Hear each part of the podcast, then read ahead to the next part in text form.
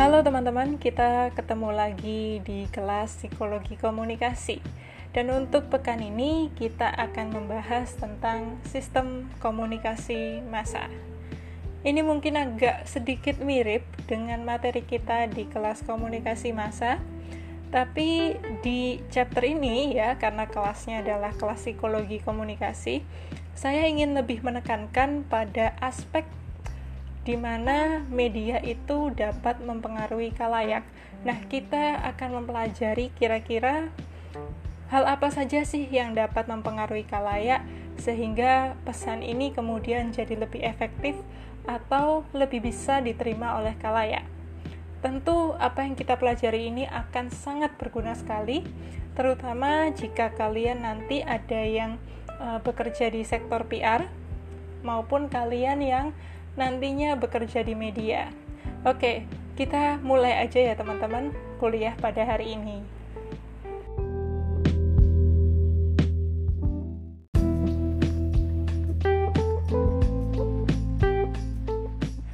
Ngomongin tentang sistem komunikasi massa, lebih baik kita mulai dari efek komunikasi massa.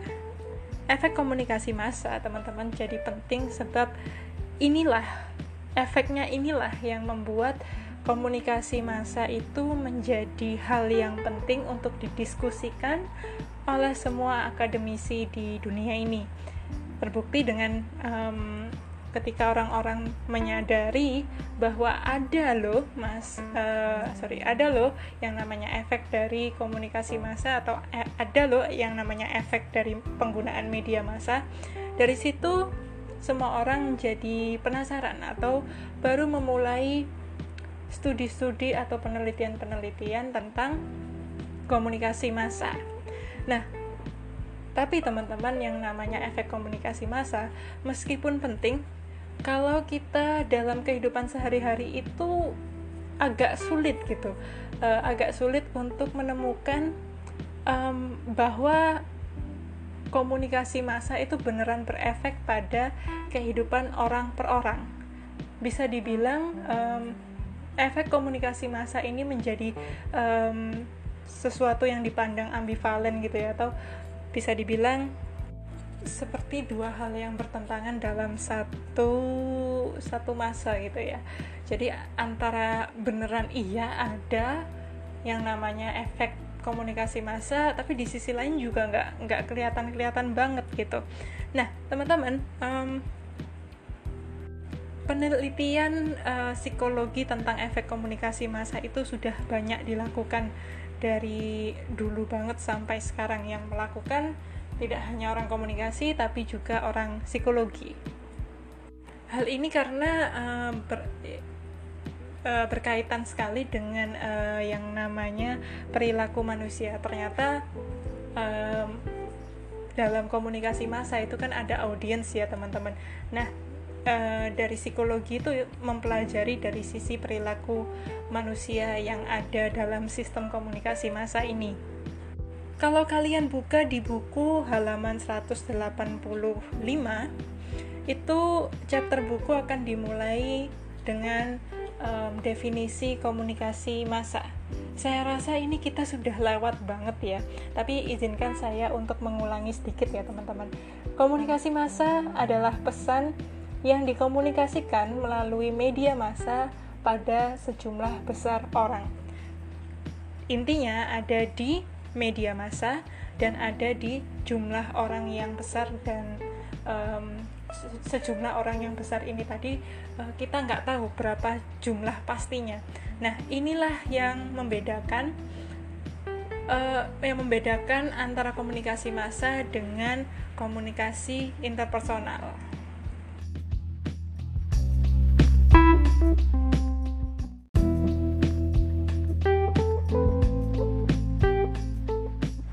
Ngomongin soal bedanya komunikasi massa dan komunikasi interpersonal, mari kita bahas lebih agak detail lagi ya teman-teman.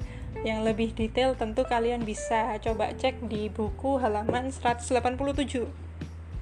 Tadi saya sebutkan bahwa ada perbedaan antara komunikasi massa dengan komunikasi interpersonal.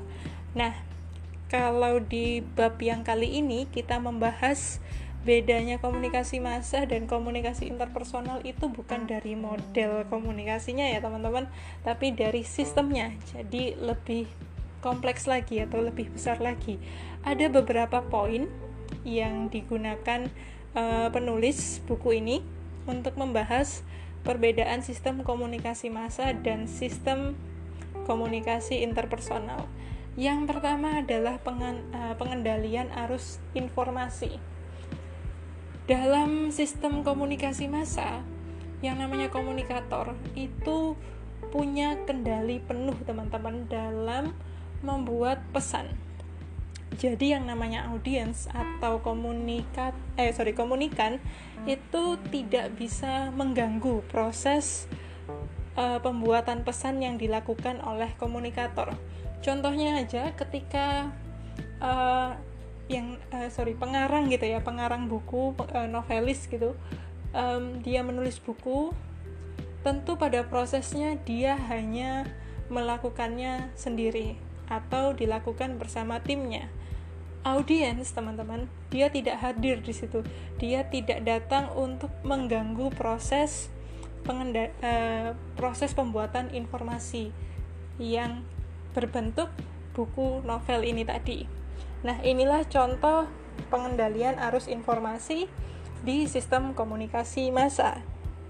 Nah, kalau di sistem um, komunikasi interpersonal, prosesnya ya teman-teman, komunikator menyampaikan pesan, komunikan itu bisa menghentikan tiba-tiba.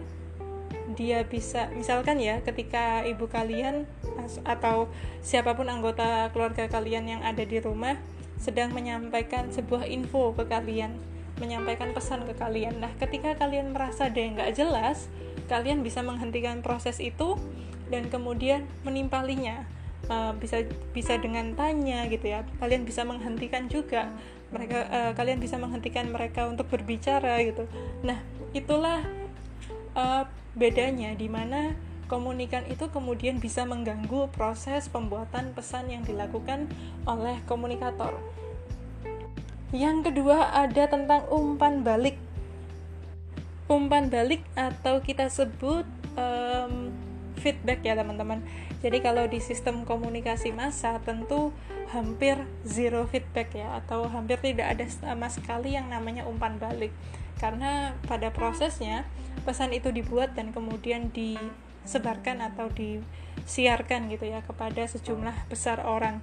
Nah, karena pesannya itu jadi bentuk yang udah baku gitu ya uh, atau ya udah dari sananya seperti itu misalkan kita beli buku ya bentuknya tuh udah seperti itu gitu pesannya sudah uh, sesuai yang ada di buku dan kita kalau ada ad, uh, ada menemukan gitu ya uh, kalimat yang nggak jelas di, di buku yang kita baca kita nggak bisa langsung tanya ke bukunya gitu ya. Atau kita nggak bisa langsung tanya ke pengarang lewat buku itu nggak bisa. Sama ketika kita nonton uh, televisi kita dengerin radio nah hampir seperti itu. Kita mungkin bisa menyampaikan bahwa ada yang keliru ataupun ada yang kita nggak pahami melalui media lain. Dan tentu ini ada delaynya ya teman-teman ada waktu tunda yang uh, yang saya rasa cukup panjang gitu kalau di sistem komunikasi interpersonal ya um, seperti kalian ngobrol aja dengan teman-teman kalian, dengan um, orang tua kalian, kalian dapat eh, kalian dapat dengan mudah sekali memberikan feedback terhadap pesan yang mereka sampaikan. Itu ya teman-teman bedanya. Dan di poin yang selanjutnya ada stimulasi alat indera. Kalau di sistem komunikasi interpersonal, eh, stimulasi indera itu stimulasi alat indera itu adalah hal yang um, apa ya kalau bisa kita bilang itu memang terjadi gitu memang memang suatu hal yang wajar terjadi kalau kita uh, ngobrol dengan uh, pasangan kita kita bisa pegang tangan seperti itu kita bisa uh, kalau anak ibu anak eh sorry ibu sedang ngobrol dengan anak ibunya bisa uh, usap-usap kepalanya seperti itu ya Nah, itulah yang disebut dengan um, stimulasi alat indera. Tapi di komunikasi massa, tentu stimulasi alat indera ini jadi hal yang terbatas gitu ya kalau kita baca buku kita baca koran yang ada kan hanya tulisan maka um, sangat uh, ya kita hanya menggunakan indera mata kita ya untuk uh, untuk uh, membaca koran membaca buku. Tapi ketika kita mendengarkan radio kita menggunakan uh, apa namanya telinga kita itu indera kita kita nonton TV kita pakai mata dan telinga kita. Nah sebenarnya teman-teman um, mulai hari ini bukan mulai hari ini ya uh, sampai hari ini yang namanya um, tayangan di radio uh, maupun juga di televisi bahkan film pun uh, berusaha semaksimal mungkin agar um, mereka maksudnya komunikatornya ya itu bisa menyampaikan pesan sekaligus juga memberikan sensasi gitu ya bisa dibilang sensasi pada alat indera kita.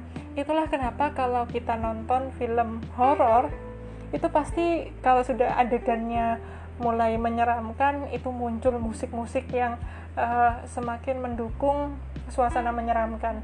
Kalau kalian nonton um, nonton apa namanya film horor yang judulnya The Shining itu itu film horor klasik ya teman-teman. Dia uh, sorry sutradaranya itu menggunakan musik-musik klasik gitu ya untuk membangun uh, suasana horor di scene uh, scene yang horor kemudian uh, ada juga yang menggunakan darah seperti itu tapi sebenarnya darahnya bukan darah betulan gitu ya tapi menggunakan madu pakai apa namanya pakai pewarna juga seperti uh, agar terlihat seperti darah betulan. Nah, ini adalah upaya-upaya untuk memberikan sensasi kepada uh, alat indera kita. Ini teman-teman terjadi hanya di sistem komunikasi massa. Oke, poin yang terakhir pro, uh, proporsi unsur isi dengan hubungan. Proporsi uh, unsur isi dengan hubungan kalau di sistem komunikasi interpersonal, unsur hubungan itu adalah unsur yang sangat penting ya teman-teman. Tapi kalau di sisi, uh, sorry, di sistem komunikasi massa, unsur hubungan ini jadi tidak lebih penting gitu. Karena yang penting adalah isi dari pesan tersebut. Misalkan kalau um, pidato kepresidenan ya, maka um, kontennya itu dibuat siaran langsung gitu ya siar uh, tayangannya dibuat siaran langsung dan kemudian ada tayangan ulangnya gitu biar bisa ditonton kembali oleh um, kalayak seperti itu. Nah di sini kalau kita ngomongin soal komunikasi massa sebenarnya hubungan kita sebagai rakyat dan juga dengan presiden itu kan kemudian jadi sebuah uh, sorry sebuah aspek yang nggak begitu penting komunikasi tetap terjadi. Uh, presiden bisa menyampaikan pesan uh, kepada kalayak melalui media, melalui media massa. Dan ini yang hal yang menjadi penting adalah pesan yang disampaikan oleh presiden itu, terlepas uh, hubungan yang sangat jauh ya, sangat distant itu antara presiden dengan kalayaknya.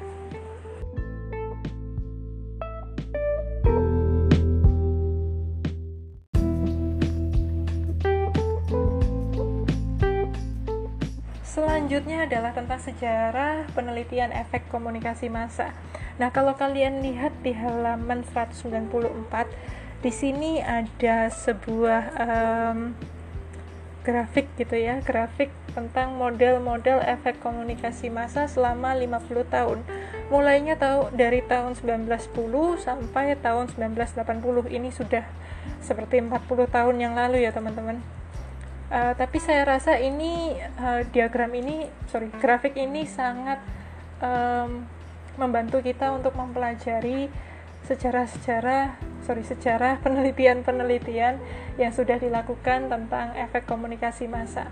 Kalau kalian lihat di uh, tahun 1910 sampai pertengahan 1940, uh, sorry, sampai akhir ya teman-teman, akhir 19 sorry sampai awal 1940 kalian bisa lihat bahwa penelitian penelitian yang dilakukan tentang efek komunikasi massa itu punya satu kesimpulan yang mirip-mirip bahwa apa pun yang disampaikan oleh media itu seperti um, peluru ya peluru yang ditembakkan ke kita sebagai manusia. Jadi apa pun yang dikatakan media itu bak peluru yang masuk ke kepala kita. Jadi kita nggak ada waktu untuk mempertanyakan um, pesan apa yang disampaikan media tapi kita langsung amin kita langsung percaya pada uh, pesan yang disampaikan media. Nah di era ini memang era propaganda ya teman-teman. Di era perang itu uh, banyak sekali propaganda yang dibuat oleh pemimpin-pemimpin uh, dunia pada saat itu. Kalian bisa cek uh, misalkan di Jerman itu ya tentu kalian tahu pemimpinnya siapa uh, siapa pada saat perang dunia saat itu. Dia uh, pada saat itu tidak hanya tidak hanya Hitler ya teman-teman yang memanfaatkan media untuk uh, melakukan propaganda tapi saya rasa banyak sekali pemimpin dunia yang lain pada saat itu yang melakukan propaganda Hitler itu merupakan salah satu orang yang jenius dalam memahami uh, cara kerja media sebelum bahkan sebelum peneliti-peneliti ini memahami cara kerja media luar biasa sekali. Saat itu yang disampaikan Hitler itu jadi seperti peluru ya teman-teman, peluru yang kemudian langsung uh, sorry pesannya itu langsung dipercayai oleh orang-orang yang mendengarkannya. Nah, masuk ke tahun uh, uh, sorry masuk ke awal tahun 1940 sampai dengan um, 1950 mungkin awal 1960 juga um, penelitian penelitian penelitian tentang efek komunikasi massa itu kemudian mulai menentang temuan yang sebelumnya. Temuan di tahun 1940 sampai 1940 1910 sampai 1940 itu kemudian ditentang karena menur, uh, menurut peneliti-peneliti ini yang namanya efek komunikasi massa itu terbatas. Bahkan hampir nggak ada. Seperti itu. Nah geser ke tahun 60-an sampai 70-an mulai ditemukan bahwa um, media itu teman-teman sorry komunikasi massa itu memiliki dampak kok. Beneran ada efeknya. Memang tidak selalu kita melakukan apa yang disampaikan media. Kita nggak langsung dengar media nyuruh kita nyuruh kita ikut perang lalu lantas kita langsung ikut perang. Nggak seperti itu. Jadi level uh, pengaruhnya itu tidak langsung pada sikap atau perilaku ya. Tapi sorry tidak langsung pada perilaku tapi lebih ke cara berpikir. Nah ini sebenarnya hal yang lebih bahaya ya teman-teman. Karena yang dipengaruhi adalah cara berpikir kita nah ini uh, pada tahu pada era ini ditempu, uh, ditemukan bahwa ya komunikasi massa itu punya uh, efek dan efeknya itu tengah-tengah gitu. Nah kemudian geser lagi ke tahun 1970 sampai 1970 pertengahan sampai 1980 ditemukan bahwa kayaknya um, efek dari komunikasi massa itu nggak lagi moderate ya tapi justru luar biasa sekali atau sangat berdaya sekali. Nah itu yang terjadi di ta 40 tahun yang lalu ya teman-teman. Ditemukan bahwa ternyata efek dari komunikasi massa itu sangat luar biasa. Nah sekarang 40 tahun kemudian sekarang di tahun 2000, uh, 2020 mau 2021 ya um, menurut kalian efek dari komunikasi massa itu seperti apa sih? Apakah hanya ya di sisi tertentu aja lah uh, efek komunikasi massa itu atau dalam artian ya moderate aja. Nggak semua kalaya itu bisa dipengaruhi tergantung dari uh, kemampuan berpikirnya. Bisa jadi uh, kemampuan sorry bisa jadi tentang latar belakang pendidikannya dan sebagainya menurut kalian kalau 2020 itu masuk ke era yang mana? Efek media itu seperti apa? Atau efek komunikasi massa itu seperti apa? Nah ini salah satu bagian dari tugas. Tugasnya wajib silahkan dikerjakan. Soal lengkapnya ada di bagian tugas 11 ya teman-teman. Ada di Bella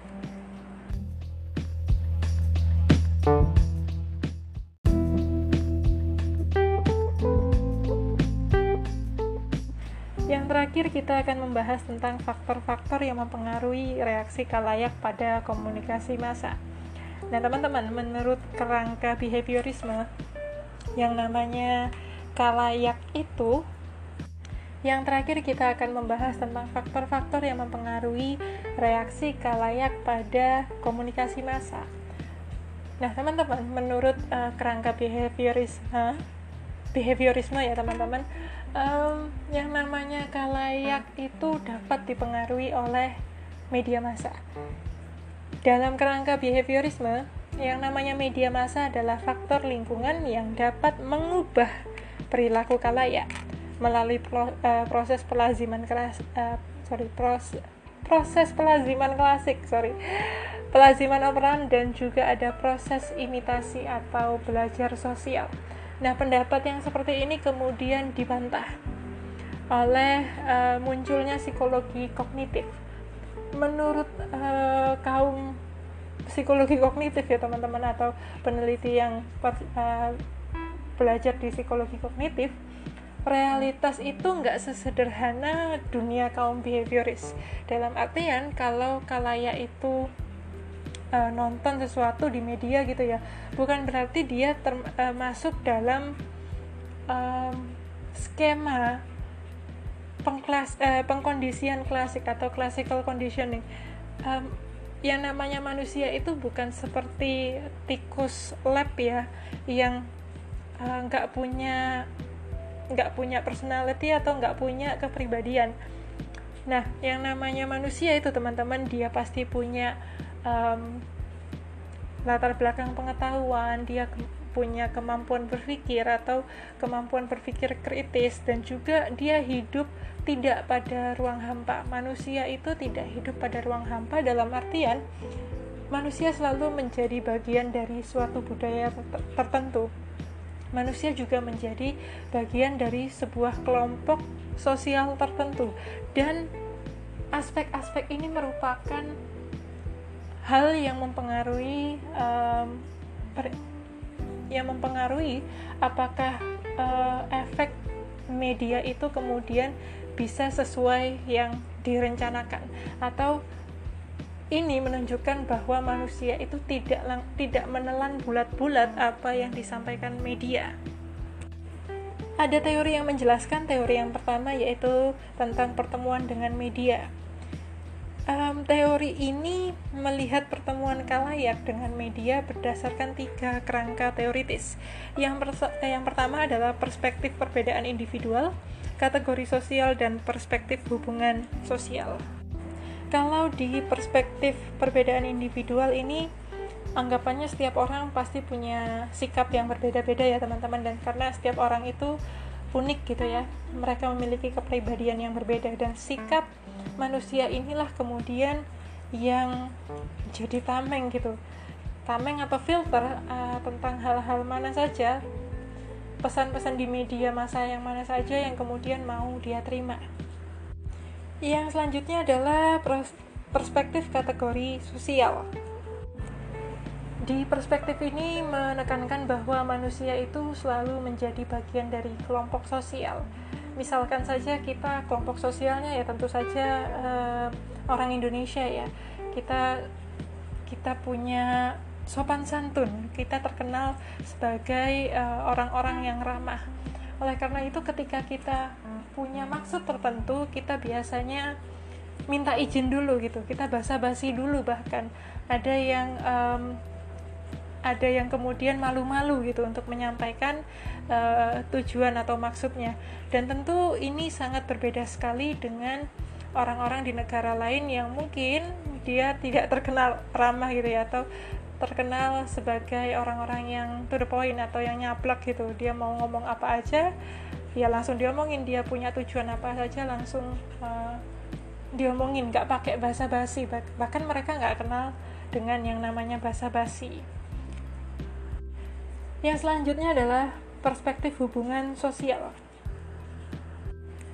Perspektif ini menekankan pentingnya peranan hubungan sosial yang informal dalam mempengaruhi reaksi orang terhadap media massa.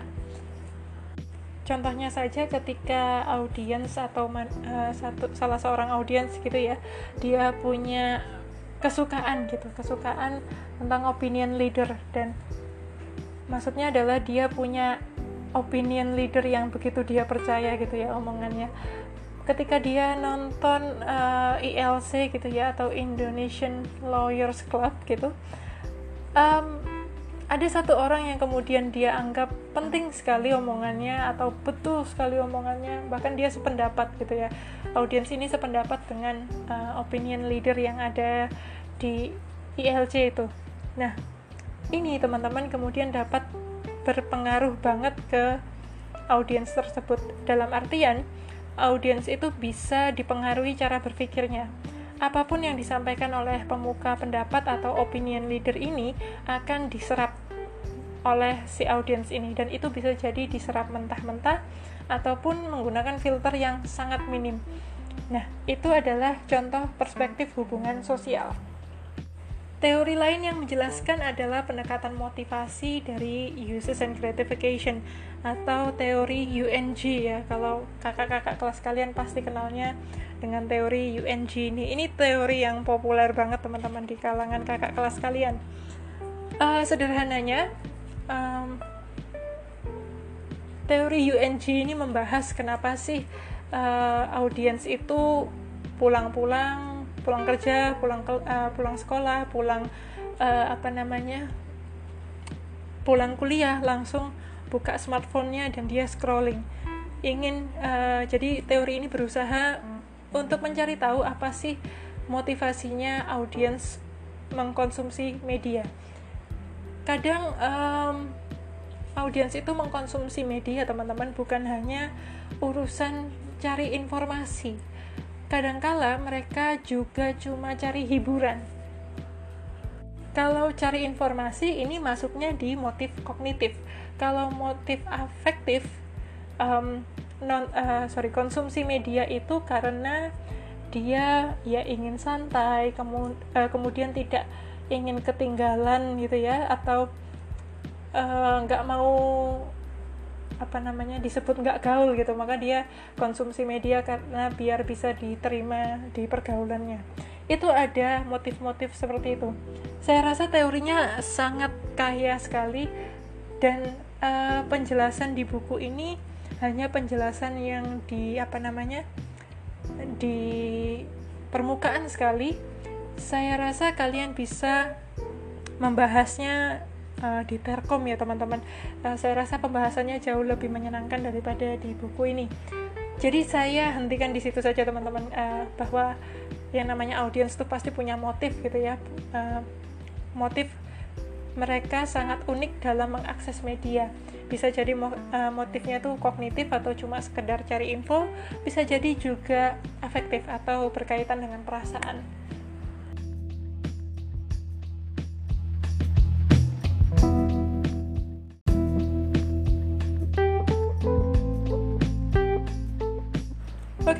Itu saja yang bisa saya sampaikan untuk pekan ini. Saya terima kasih kalian sudah mendengarkan podcast ini dari awal sampai akhir dan saya juga terima kasih kalian sudah mentoleransi semua suara-suara yang aneh yang bocor di podcast saya. Karena saya rekamannya ini sambil sambil lampu mati teman-teman sambil mati listrik dan juga lagi hujan di luar semoga uh, suara berisiknya hujan gak masuk ya Oke, itu aja teman-teman yang bisa saya sampaikan. Silahkan dikerjakan tugasnya dan kita ketemu lagi minggu depan. thank you